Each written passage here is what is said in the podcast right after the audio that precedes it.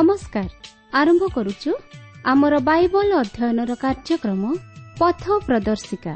ପବିତ୍ର ବାଇବଲ କହେ କାରଣ ପାପର ବେତନ ମୃତ୍ୟୁ କିନ୍ତୁ ଈଶ୍ୱରଙ୍କ ଅନୁଗ୍ରହ ଦାନ ଆମ୍ଭମାନଙ୍କର ପ୍ରଭୁ ଖ୍ରୀଷ୍ଟ ଯୀଶୁଙ୍କ ସହଭାଗିତାରେ ଅନନ୍ତ ଜୀବନ ଅଟେ।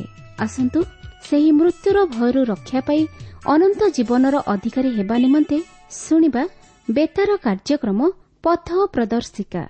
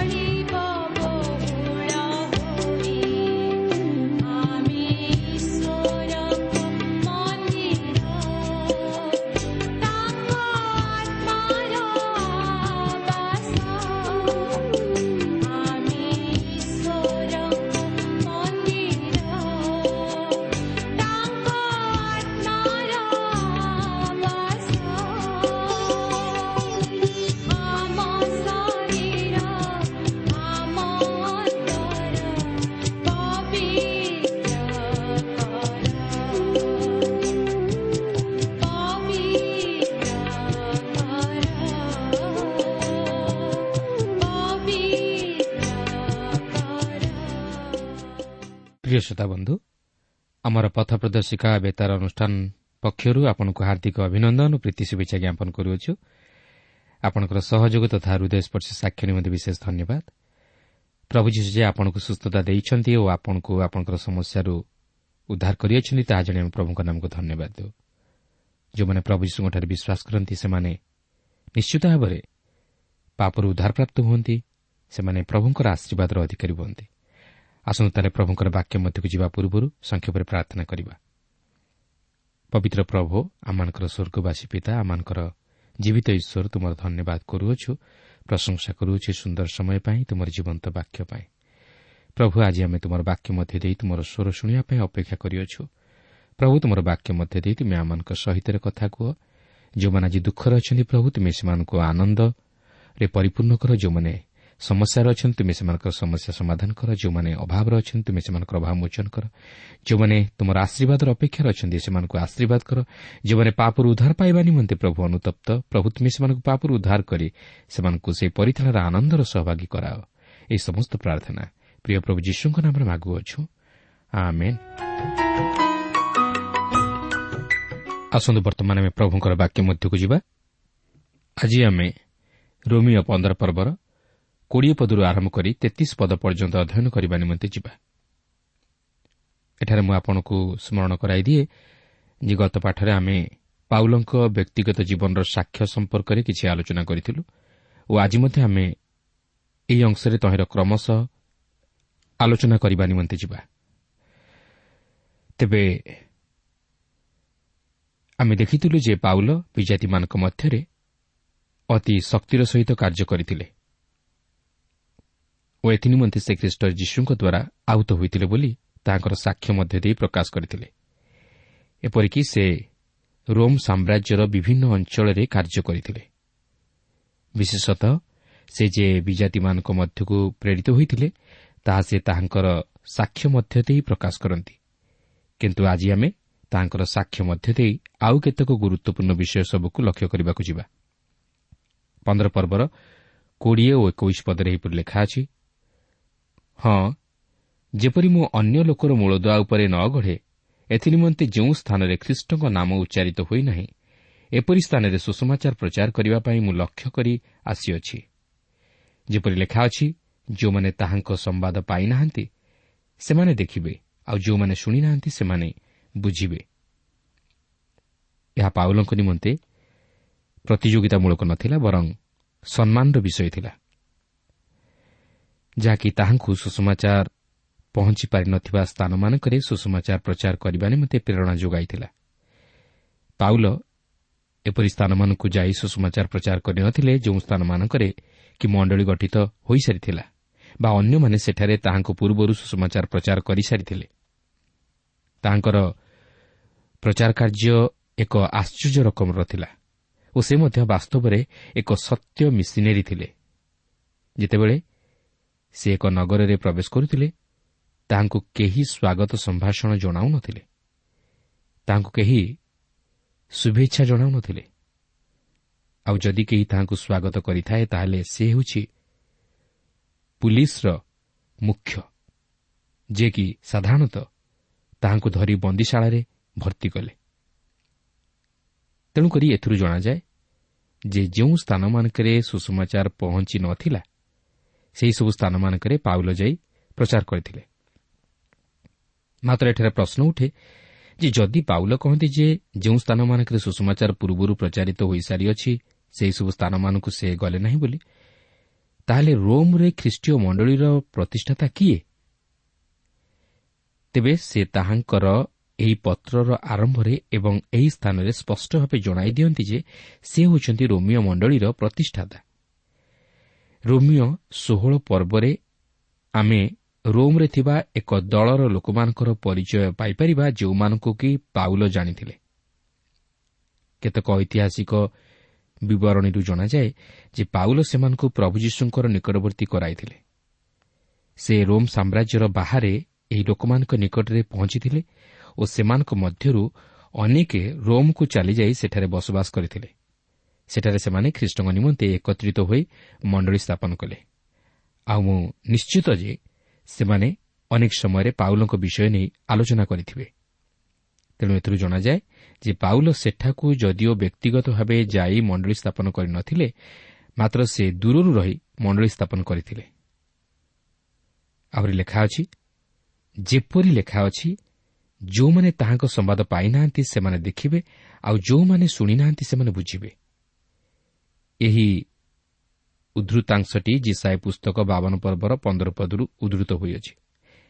ଯେଉଁମାନେ ଆତ୍ମିକ ଜୀବନରେ ଅନ୍ଧ ଥିଲେ ସେମାନଙ୍କ ମଧ୍ୟକୁ ଯାଇ ସୁସମାଚାର ପ୍ରଚାର କରିବା ନିମନ୍ତେ ପାଉଲ ଅତି ଆକାଂକ୍ଷିତ ଥିଲେ।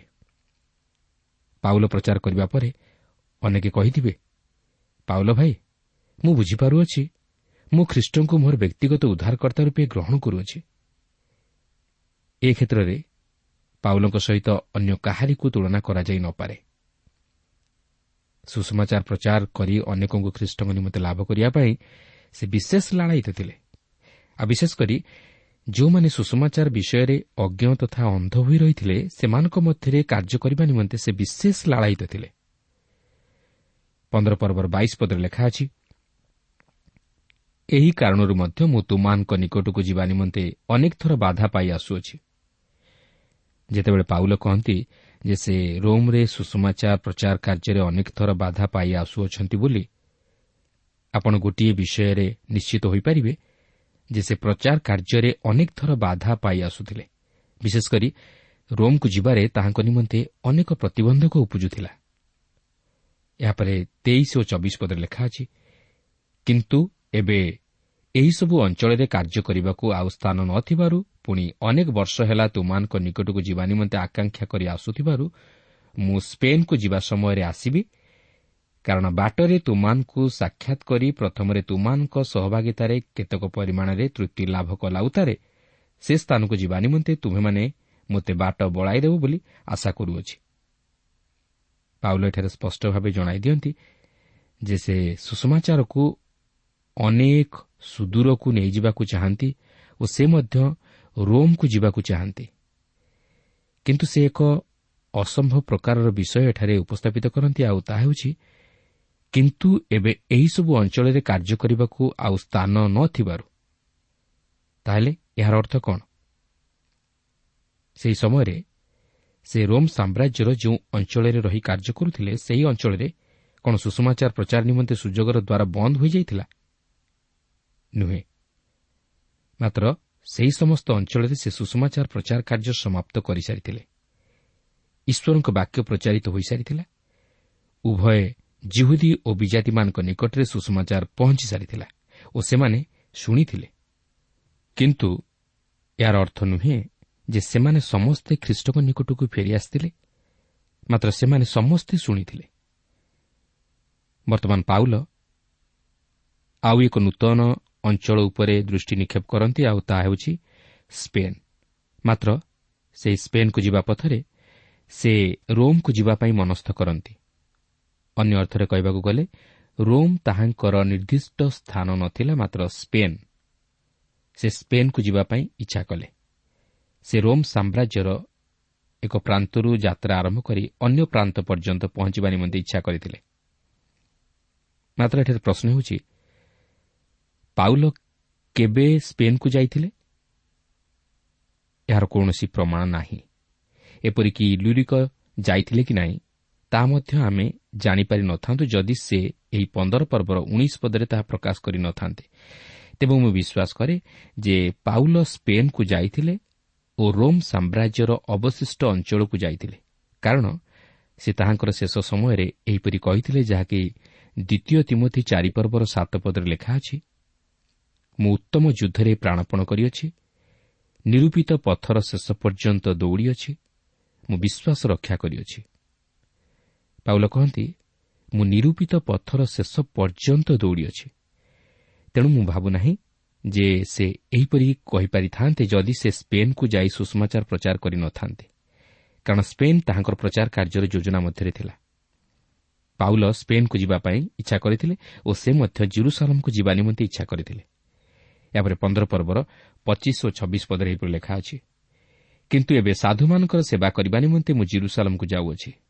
କାରଣ ଜିରୁସାଲମସ୍ଥ ସାଧୁମାନଙ୍କ ମଧ୍ୟରେ ଯେଉଁମାନେ ଦରିଦ୍ର ସେମାନଙ୍କ ନିମନ୍ତେ ମାକିଦୋନିଆ ଓ ଆଖାୟାର ମଣ୍ଡଳୀ ସମୂହ ସହଭାଗିତା ସୂଚକ କିଛି ଦାନ ସଂଗ୍ରହ କରିବାକୁ ଭଲ ମଣି ଅଛନ୍ତି। ଏଠାରେ ଦେଖନ୍ତୁ ପାଉଲ ଜିରୁସାଲମ୍କୁ ଯିବା ନିମନ୍ତେ ଇଚ୍ଛା କଲେ ଓ ସେ ସେହି ଗରିବ ସାଧୁମାନଙ୍କ ସାହାଯ୍ୟ ନିମନ୍ତେ କିଛି ଦାନ ମଧ୍ୟ ନେଲେ। କାହିଁକି? ଯେହେତୁ ସେ ତାହାଙ୍କର ନିଜ ହାତରେ ସେହି ଜିରୁସାଲମରେ ଥିବା ମଣ୍ଡଳୀକୁ ଛାରଖାର କରିଦେଇଥିଲେ ଓ ସେ ସେହି ଜିରୁସାଲମରେ ଥିବା ବିଶ୍ୱାସୀମାନଙ୍କ ପ୍ରତି ତାଡ଼ନା ଘଟାଇଥିଲେ। କିନ୍ତୁ ବର୍ତ୍ତମାନ ସେ ସେହି ଦାନ ସବୁ ନେଇ ସେମାନଙ୍କୁ ଦେଇ ସେମାନଙ୍କୁ ସାହାଯ୍ୟ କରିବାକୁ ଚାହାନ୍ତି ଓ ଉତ୍ସାହିତ କରିବାକୁ ଚାହାନ୍ତି। ଯେଉଁ ହସ୍ତରେ ସେ ସେମାନଙ୍କ ପ୍ରତି ଦୁଃଖ ପହଞ୍ଚାଇଥିଲେ ସେହି ହସ୍ତରେ ସେ ସେମାନଙ୍କ ହୃଦୟକୁ ଆନନ୍ଦରେ ଭରିଦେବାକୁ ଚାହାନ୍ତି। ସେ ବର୍ତ୍ତମାନ ସେମାନଙ୍କ ସହିତ ସହଭାଗିତା ସ୍ଥାପନ କରିବାକୁ ଚାହାନ୍ତି ଓ ସେମାନଙ୍କୁ ସାହାଯ୍ୟ କରିବାକୁ ଚାହାନ୍ତି ସେମାନଙ୍କର ଉପକାର କରିବାକୁ ଚାହାନ୍ତି। ଏହି ଦାନ ସଂଗ୍ରହ ପାଉଲଙ୍କ ନିମନ୍ତେ ଅତି ଗୁରୁତ୍ୱପୂର୍ଣ୍ଣ ବିଷୟ ଥିଲା ଯାହାକି ସେ ଏହି ବିଷୟ ନେଇ ଦ୍ୱିତୀୟ କରିଥିବା ଆଠ ଓ ନଅ ପର୍ବରେ ପ୍ରକାଶ କରିଅଛନ୍ତି। ଏହାପରେ ପନ୍ଦର ପର୍ବର ସତେଇଶ ପଦରେ ଲେଖା ଅଛି ହଁ ସେମାନେ ଏହା ଭଲ ମଣିଅଛନ୍ତି ସତ ହେଲେ ସେମାନେ ସେମାନଙ୍କ ନିକଟରେ ଋଣୀ ମଧ୍ୟ ଅଟନ୍ତି। କାରଣ ଯଦି ବିଜାତିମାନେ ସେମାନଙ୍କ ଆତ୍ମିକ ବିଷୟର ସହଭାଗୀ ହୋଇଅଛନ୍ତି ତେବେ ସେମାନେ ସାଂସାରିକ ବିଷୟରେ ମଧ୍ୟ ସେମାନଙ୍କର ସେବା କରିବା ନିମନ୍ତେ ଋଣୀ। ପାଉଲ ଏଠାରେ ସ୍ପଷ୍ଟ କରିଦିଅନ୍ତି ଏହା ସ୍ୱେଚ୍ଛାଦାନ। ଏହା ପାଉଲ ମାକିଦୋନିଆ ଓ ଆଖାୟର ମଣ୍ଡଳୀ ସମୂହ ମଧ୍ୟରୁ ସଂଗ୍ରହ କରିଥିଲେ। ସେମାନେ ଜିରୁସାଲମରେ ଥିବା ଭାଇମାନଙ୍କ ପ୍ରତି ସହଭାଗିତାର ହସ୍ତ ବଢ଼ାଇଥିଲେ। ପାଉଲଠାରେ ସ୍ପଷ୍ଟ କରିଦିଅନ୍ତି ଯେ ଏହା କେବଳ ସେମାନଙ୍କର ସ୍ୱେଚ୍ଛାଦାନ ନୁହେଁ ମାତ୍ର ସେମାନଙ୍କର ମଧ୍ୟ ଜିରୁସାଲମରେ ଥିବା ବିଶ୍ୱାସୀମାନଙ୍କ ପ୍ରତି ଏହା ଏକ ନୈତିକ କର୍ତ୍ତବ୍ୟ ଥିଲା ଓ ସେମାନେ ତହିଁ ନିମନ୍ତେ ଋଣୀ ଥିଲେ। କାରଣ ବିଜାତୀୟମାନେ ବା ଅଣଜୁହୁଦୀମାନେ ଇସ୍ରାଏଲ୍ ଜାତିଠାରୁ ସୁଷମାଚାର ଗ୍ରହଣ କରିଥିଲେ। ପ୍ରଭୁ ଯୀଶୁ ମଧ୍ୟ କହିଥିଲେ ଯାହାକି ଜୋହନ ଚାରିପର୍ବର ବାଇଶ ପଦରେ ଲେଖା ଅଛି ଯାହା ତୁମେମାନେ ଜାଣ ନାହିଁ ତାହା ଉପାସନା କରୁଥାଅ। ଯାହାଙ୍କୁ ଆମ୍ଭେମାନେ ଜାଣୁ ତାହାଙ୍କୁ ଉପାସନା କରୁଥାଉ କାରଣ ପରିତ୍ରାଣ ଜିହୁଦୀମାନଙ୍କ ମଧ୍ୟରୁ ଆସେ। ଆପଣ ଦେଖନ୍ତୁ ସୁଷମାଚାର ଜିରୁସାଲାମରେ ଆରମ୍ଭ ହେଲା। ମାକିଦୋନିଆ ଓ ଆକାୟା ଜିରୁସାଲାମ ନିକଟରେ ଋଣୀ ଥିଲେ। ବର୍ତ୍ତମାନ ଜିରୁସାଲାମରେ ଥିବା କେତେକ ସାଧୁ ଆର୍ଥିକ ସମସ୍ୟାର ସମ୍ମୁଖୀନ ହେବାରୁ ମାକିଦୋନିଆ ଓ ଆଖାୟର ବିଶ୍ୱାସୀମାନେ ସେମାନଙ୍କ ନିକଟକୁ ଆର୍ଥିକ ସାହାଯ୍ୟ ପଠାଉଛନ୍ତି। ଏହା ହିଁ ବର୍ତ୍ତମାନର ଖ୍ରୀଷ୍ଟୀୟ ମଣ୍ଡଳୀମାନଙ୍କରେ ପରିଲକ୍ଷିତ ହେବା ଉଚିତ। ପନ୍ଦର ପର୍ବର ଅଠେଇଶ ପଦରେ ଲେଖା ଅଛି ଅତଏବ ଏହି କର୍ମ ସମ୍ପନ୍ନ କଲା ଉତ୍ତାରେ ଓ ଏହି ସଂଗୃହୀତ ଧନରୂପ ଫଳ ସେମାନଙ୍କ ହସ୍ତରେ ସମର୍ପଣ କଲା ପରେ ତୁମମାନଙ୍କ ନିକଟ ଦେଇ ସ୍ପେନ୍କୁ ଯିବି। ଆପଣ ପାଉଲଙ୍କର ସାହାଯ୍ୟ କରିବାର ମନୋଭାବକୁ ଲକ୍ଷ୍ୟ କରିପାରୁଥିବେ। ଦେଖନ୍ତୁ ସେହି ଦାନକୁ ଜିରୁସାଲମକୁ ନେଇଯିବା ନିମନ୍ତେ ସେ କେତେ ଦୂର ଆକାଂକ୍ଷିତ ଥିଲେ। ତେବେ ସେହି ଯାତ୍ରା ତାହାଙ୍କୁ ଶତ୍ରୁମାନଙ୍କ ହସ୍ତରେ ସମର୍ପିତ କଲା ଯେଉଁମାନେ କି ତାହାଙ୍କୁ ଧରିଲେ। ତେବେ ଯେଉଁ ଭାଇମାନେ ବିଶ୍ୱାସ କରନ୍ତି ଯେ ପାଉଲ ଏହି ସମୟରେ ଈଶ୍ୱରଙ୍କ ଇଚ୍ଛା ବିରୁଦ୍ଧରେ ଯାଇଥିଲେ ବୋଲି ମୁଁ ସେମାନଙ୍କ ସହିତ ଏଥିରେ ଏକମତ ନୁହେଁ। କାରଣ ପ୍ରେରିତ ପୁସ୍ତକରେ ଆମେ ଦେଖିଛୁ ଯେ ପାଉଲ ଯେତେବେଳେ ଜିରୁସାଲମକୁ ଗଲେ ସେତେବେଳେ ସେ ଈଶ୍ୱରଙ୍କ ଇଚ୍ଛା ଅନୁଯାୟୀ ଗଲେ ତେବେ ସେ ଯାହୁନା କାହିଁକି ପାଉଲ ଏଠାରେ କହନ୍ତି ଯେ ସେ ସେହି ସଂଗୃହୀତ ଅର୍ଥ ସେମାନଙ୍କ ହସ୍ତରେ ସମର୍ପଣ କଲା ପରେ ସ୍ପେନ୍କୁ ଯିବେ ମାତ୍ର ପଥରେ ସେ ରୋମ୍ରେ ଥିବା ତାଙ୍କର ବିଶ୍ୱାସୀମାନଙ୍କ ସହ ସାକ୍ଷାତ କରି ତାପରେ ସ୍ପେନ୍କୁ ଯିବେ ପନ୍ଦର ପର୍ବର ଅଣତିରିଶ ପଦରେ ଲେଖା ଅଛି ଆଉ ମୁଁ ଜାଣେ ଯେତେବେଳେ ମୁଁ ତୁମାନଙ୍କ ନିକଟରେ ଉପସ୍ଥିତ ହେବି ସେତେବେଳେ ଖ୍ରୀଷ୍ଟଙ୍କ ଆଶୀର୍ବାଦର ପୂର୍ଣ୍ଣତାରେ ଉପସ୍ଥିତ ହେବି। ଏହା ହିଁ ଥିଲା ରୋମ୍କୁ ଏକ ଫଳପ୍ରଦ ଯାତ୍ରା କରିବାରେ ପାଉଲଙ୍କର ସ୍ୱୀକାରୋକ୍ତିର ମୋହର। ସେ ସେଠାକୁ ଈଶ୍ୱରଙ୍କ ଇଚ୍ଛା ଅନୁଯାୟୀ ଓ ତାହାଙ୍କର ପ୍ରେରିତିକ କାର୍ଯ୍ୟାଳୟର ସମ୍ପୂର୍ଣ୍ଣ ଅଧିକାର ସହିତ ଯାତ୍ରା କଲେ। ଈଶ୍ୱର ଏହି ଯାତ୍ରାରେ ତାହାଙ୍କୁ ସ୍ୱର୍ଗୀୟ ଚିନ୍ତାଧାରା ପ୍ରଦାନ କଲେ। ପାଉଲ ଜିରୁସାଲମକୁ ଯିବାରେ ଈଶ୍ୱରଙ୍କ ଇଚ୍ଛାର ବହିର୍ଭୂତ ହୋଇନଥିଲେ କି ରୋମ୍କୁ ଯାତ୍ରା କରିବାରେ ମଧ୍ୟ ହୋଇନଥିଲେ। ଏହା ସେ ପ୍ରକାର ଏକ ଆମୋଦକର ବା ସୌଭାଗ୍ୟର ଯାତ୍ରା ଯଦିଓ ହୋଇନଥିଲା ମାତ୍ର ଈଶ୍ୱର ସେହିପରି ଭାବରେ ତାହାଙ୍କୁ ବ୍ୟବହାର କଲେ। କିନ୍ତୁ ସେହି ସମସ୍ତ ସମସ୍ୟା ଓ ଜଟିଳ ପରିସ୍ଥିତି ପାଉଲଙ୍କର ରୋମ୍କୁ ଯାତ୍ରା କରିବାରେ ଈଶ୍ୱରଙ୍କର ଅନିଚ୍ଛାକୁ ପ୍ରକାଶ କରୁନଥିଲା। କିନ୍ତୁ ଈଶ୍ୱରଙ୍କର ମହତ୍ ଅଭିମତକୁ ପ୍ରକାଶ କରୁଥିଲା। ଏହି ସମସ୍ତ ସମସ୍ୟା ଈଶ୍ୱରଙ୍କ ଆଡ଼ୁ ଘଟିଥିଲା। ଯେପରି ପାଉଲଙ୍କର ସାକ୍ଷମର ଜୀବନ ମଧ୍ୟ ଦେଇ ଈଶ୍ୱର ଗୌରବାନ୍ୱିତ ହୁଅନ୍ତି ଓ ଖ୍ରୀଷ୍ଟଙ୍କ ନାମ ଅଧିକରୁ ଅଧିକ ପ୍ରଚାରିତ ହେବାକୁ ପାରେ। ପ୍ରିୟ ବନ୍ଧୁ ଯେତେବେଳେ ଆପଣ ସମସ୍ୟା ବା ଜଟିଳ ପରିସ୍ଥିତି ବା ବାଧାବିଘ୍ନ ମଧ୍ୟ ଦେଇ ଗତି କରନ୍ତି ସେତେବେଳେ ଭାବନ୍ତୁ ନାହିଁ ଯେ ଈଶ୍ୱର ଆପଣଙ୍କୁ ପରିତ୍ୟାଗ କରିଦେଇଛନ୍ତି। ବା ଆପଣ ଈଶ୍ୱରଙ୍କ ଇଚ୍ଛାର ବହିର୍ଭୂତ ହୋଇଯାଇଛନ୍ତି। କିନ୍ତୁ ପ୍ରକୃତରେ ସେତେବେଳେ ଆପଣ ଈଶ୍ୱରଙ୍କ ଇଚ୍ଛାର ବଶୀଭୂତ ହୋଇଥାନ୍ତି ଓ ଈଶ୍ୱର ଆପଣଙ୍କୁ ସେହି ସମସ୍ତ ପରିସ୍ଥିତି ମଧ୍ୟ ଦେଇ ତାହାଙ୍କର ଇଚ୍ଛା ଜଣାଇଥାନ୍ତି ଓ ତାହାଙ୍କର ନିକଟବର୍ତ୍ତୀ କରାଇଥାନ୍ତି ଓ ତାହାଙ୍କର ଶକ୍ତିର କାର୍ଯ୍ୟକୁ ଉପଲବ୍ଧି କରିବା ନିମନ୍ତେ ସୁଯୋଗ ଦେଇଥାନ୍ତି। ପାଉଲଙ୍କ ନିମନ୍ତେ ସେହି ରୋମ୍ ଯାତ୍ରା ଯଦିଓ ସମସ୍ୟାବହୁଳ ଥିଲା ମାତ୍ର ସେହି ଯାତ୍ରା ମଧ୍ୟ ଦେଇ ଈଶ୍ୱରଙ୍କର ମହତ୍ ଅଭିମତ ସଫଳ ହୋଇଥିଲା। ପନ୍ଦର ପର୍ବର ତିରିଶରୁ ତେତିଶ ପଦ ମଧ୍ୟରେ ଏହିପରି ଲେଖା ଅଛି ହେ ଭାଇମାନେ ମୁଁ ଆମମାନଙ୍କ ପ୍ରଭୁ ଯୀଶୁଖ୍ରୀଷ୍ଟଙ୍କ ହେତୁ ଓ ଆତ୍ମାଙ୍କ ପ୍ରେମ ହେତୁ ମୋ ନିମନ୍ତେ ଈଶ୍ୱରଙ୍କ ନିକଟରେ ମୋ ସହିତ ଯତ୍ନ ସହକାରେ ପ୍ରାର୍ଥନା କରିବା ପାଇଁ ତୁମମାନଙ୍କୁ ବିନତି କରୁଅଛି। ଯେପରି ମୁଁ ଜିହୁଦା ପ୍ରଦେଶରେ ଅନାଜ୍ଞାବହ ଲୋକମାନଙ୍କଠାରୁ ଉଦ୍ଧାର ପାଏ ଆଉ ଜିରୁସାଲାମ ନିମନ୍ତେ ମୋର ଯେଉଁ ସେବା ତାହା ଯେପରି ସାଧୁମାନଙ୍କ ନିକଟରେ ସୁଗ୍ରାହ୍ୟ ହୁଏ ପୁଣି ଈଶ୍ୱରଙ୍କ ଇଚ୍ଛାରେ ମୁଁ ଯେପରି ଆନନ୍ଦରେ ତୁମାନଙ୍କ ନିକଟରେ ଉପସ୍ଥିତ ହୋଇ ତୁମାନଙ୍କ ସହିତ ଆରାମ ପ୍ରାପ୍ତ ହୁଏ ଶାନ୍ତିଦାତା ଈଶ୍ୱର ତୁମ ସମସ୍ତଙ୍କ ସହିତ ଥାନ୍ତୁ ଏହା ହେଉଛି ସବୁଠାରୁ ଗୁରୁତ୍ୱପୂର୍ଣ୍ଣ। ଏକାନ୍ତ ପ୍ରାର୍ଥନାର ଅନୁରୋଧ ଯାହାକି ପାଉଲ ଅନୁରୋଧ କରନ୍ତି।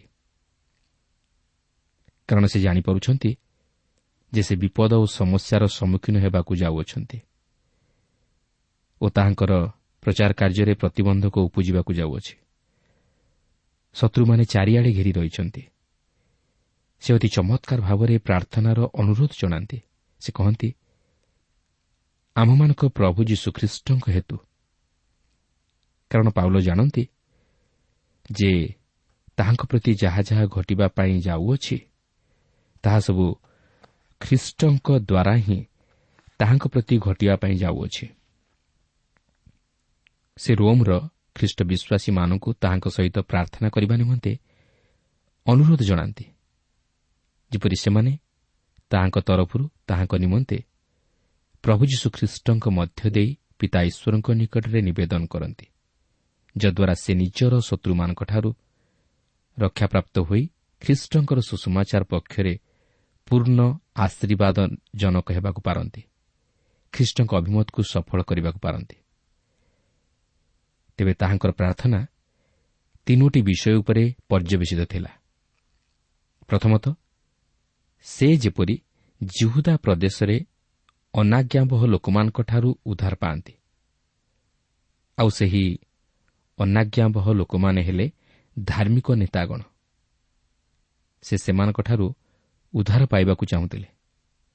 ଦ୍ୱିତୀୟତଃ ଜିରୁସାଲମ ନିମନ୍ତେ ତାହାଙ୍କର ଯେଉଁ ସେବା ତାହା ଯେପରି ସାଧୁମାନଙ୍କ ନିକଟରେ ସୁଗ୍ରାହ୍ୟ ହୁଏ।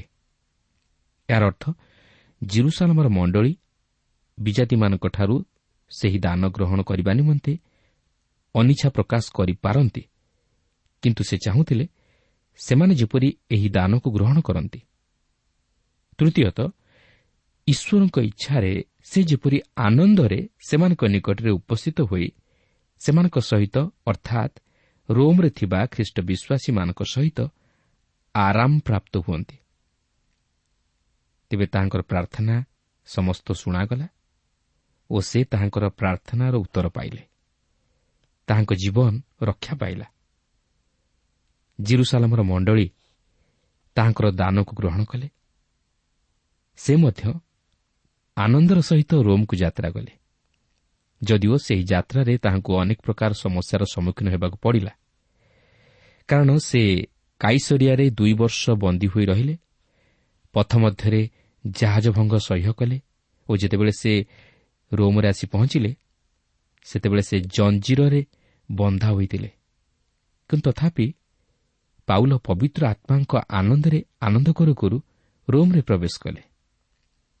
କିନ୍ତୁ ଏଠାରେ ପ୍ରଶ୍ନ ଉଠେ ପାଉଲ କ'ଣ ରୋମ୍ରେ ବିଶ୍ରାମ ପାଇଲେ? ତେବେ ଏହାର ଉତ୍ତର ଏକ ଆଲୋଚନାମୂଳକ। ତେବେ ରୋମ୍ରେ ଓ ସ୍ପେନ୍ରେ ସେ ଅଧିକ କିଛି ଆନନ୍ଦ ଓ ବିଶ୍ରାମ ପାଇଥିଲେ। ସେ ତାହାଙ୍କର ଅନ୍ତିମ ସମୟରେ ତାହାଙ୍କର ବିଶ୍ୱାସର ପୁତ୍ର ତିମଥି ନିକଟକୁ ଏହିପରି ଲେଖନ୍ତି ଯାହାକି ଦ୍ୱିତୀୟ ତିମଥି ଚାରିପର୍ବର ଛଅ ପଦରୁ ଆଠ ପଦରେ ଲେଖା ଅଛି କାରଣ ଏବେ ହିଁ ମୋହର ପ୍ରାଣ ଆହୁତି ପରି ଢଳାଯାଉଅଛି। ମୋର ମହାପ୍ରୟାଣର ସମୟ ଉପସ୍ଥିତ।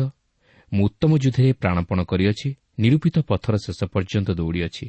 ମୁଁ ବିଶ୍ୱାସ ରକ୍ଷା କରିଅଛି ଅଦ୍ୟାବଧି ମୋ ନିମନ୍ତେ ଧାର୍ମିକତାର ମୁକୁଟ ରଖାଯାଇଅଛି। ତାହା ସେହି ମହାଦିନରେ ନ୍ୟାୟବାନ ବିଚାରକର୍ତ୍ତା ପ୍ରଭୁ ମୋତେ ଦେବେ। ପୁଣି କେବଳ ମୋତେ ନୁହେଁ ମାତ୍ର ଯେତେ ଲୋକ ତାହାଙ୍କ ଆଗମନକୁ ପ୍ରିୟ ଜ୍ଞାନ କରନ୍ତି ସେ ସମସ୍ତଙ୍କୁ ଦେବେ।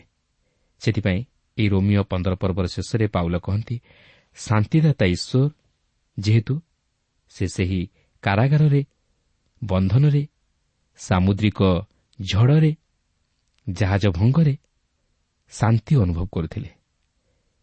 ମୋର ପ୍ରାର୍ଥନା ଆମେମାନେ ମଧ୍ୟ ଆମମାନଙ୍କ ଜୀବନରେ ସେହିପରି ଶାନ୍ତି ଓ ଆରାମ ଅନୁଭବ କରିବା ଆବଶ୍ୟକ। ତାହେଲେ ଆମେ ଏହି ଜଗତରେ ସମସ୍ତ ପ୍ରକାର ସମସ୍ୟା ଓ ଦୁଃଖ ତଥା ଅଶାନ୍ତିକର ପରିସ୍ଥିତିରେ ମଧ୍ୟ ଶାନ୍ତି ତଥା ନିର୍ବିଘ୍ନରେ ବସବାସ କରି ଈଶ୍ୱରଙ୍କ ଗୌରବ ରକ୍ଷା କରିପାରିବା। ପ୍ରିୟ ବନ୍ଧୁ ଏଠାରେ ମୁଁ କହି ରଖେ ଖ୍ରୀଷ୍ଟୀୟ ଜୀବନ ଏକ ନିଃସ୍ୱାର୍ଥପର ଜୀବନ। ଖ୍ରୀଷ୍ଟୀୟ ଜୀବନ ଏକ ଉତ୍ଥାନ ପତନର ଜୀବନ। ଖ୍ରୀଷ୍ଟୀୟ ଜୀବନ ଏକ ସ୍ୱାର୍ଥତ୍ୟାଗର ଜୀବନ।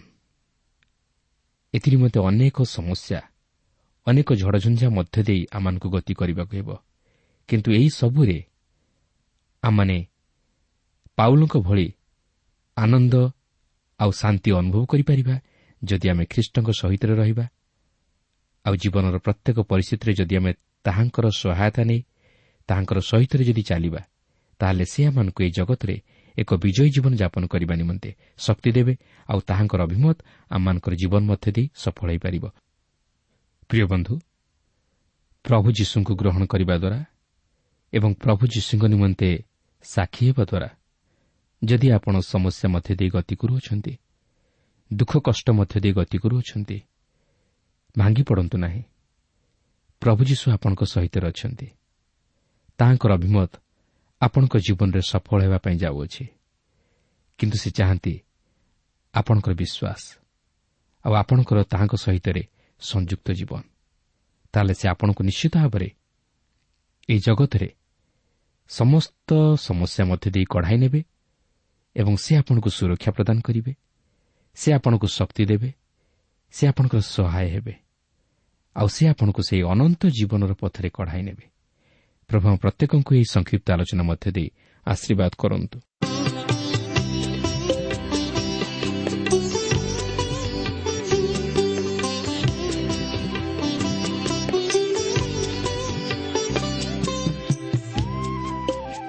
ପ୍ରିୟ ଶ୍ରୋତା ଆପଣ ଈଶ୍ୱରଙ୍କ ବାକ୍ୟ ଶୁଣିବା ନିମନ୍ତେ ସମୟ ଦେଇଥିବାରୁ ଆମେ ଧନ୍ୟବାଦୀ। ଆପଣ ଯଦି ପ୍ରଭୁ ଯୀଶୁଙ୍କର ବାକ୍ୟ ବିଷୟରେ ଓ ତାହାଙ୍କର ପ୍ରେମ ବିଷୟରେ ଅଧିକ ଜାଣିବାକୁ ଚାହାନ୍ତି ଯାହାକି ଆପଣଙ୍କୁ ପାପରୁ ଉଦ୍ଧାର ପାଇବା ନିମନ୍ତେ ପଥ ଦେଖାଇବ ତାହେଲେ ଆମ ସହିତ ପତ୍ର ମାଧ୍ୟମରେ ଅଥବା ଟେଲିଫୋନ୍ ଯୋଗେ ଯୋଗାଯୋଗ କରନ୍ତୁ। ଆମର ଠିକଣା ପଥ ପ୍ରଦର୍ଶିକା Trans World radio India post box number ତିନି ତିନି ଭୁବନେଶ୍ୱର ସାତ ପାଞ୍ଚ ଏକ ଶୂନ ଶୂନ ଏକ mobile number nine seven double seven double two one four one five ଠିକଣାଟି ଆଉଥରେ ଶୁଣନ୍ତୁ ପଥ ପ୍ରଦର୍ଶିକା Trans World radio India post box number three three Bhubaneswar seven five one zero zero one mobile number nine seven double seven double two one four one five ଆମର email ଆଡ୍ରେସ୍ଟି ଲେଖି ରଖନ୍ତୁ Odia TV at radio eight eight two dot com ତେବେ ଆଜି ପାଇଁ ଏଠାରେ ରଖୁଛୁ। ପ୍ରଭୁ ଯୀଶୁ ଆପଣଙ୍କୁ ଆଶୀର୍ବାଦ କରନ୍ତୁ। ନମସ୍କାର।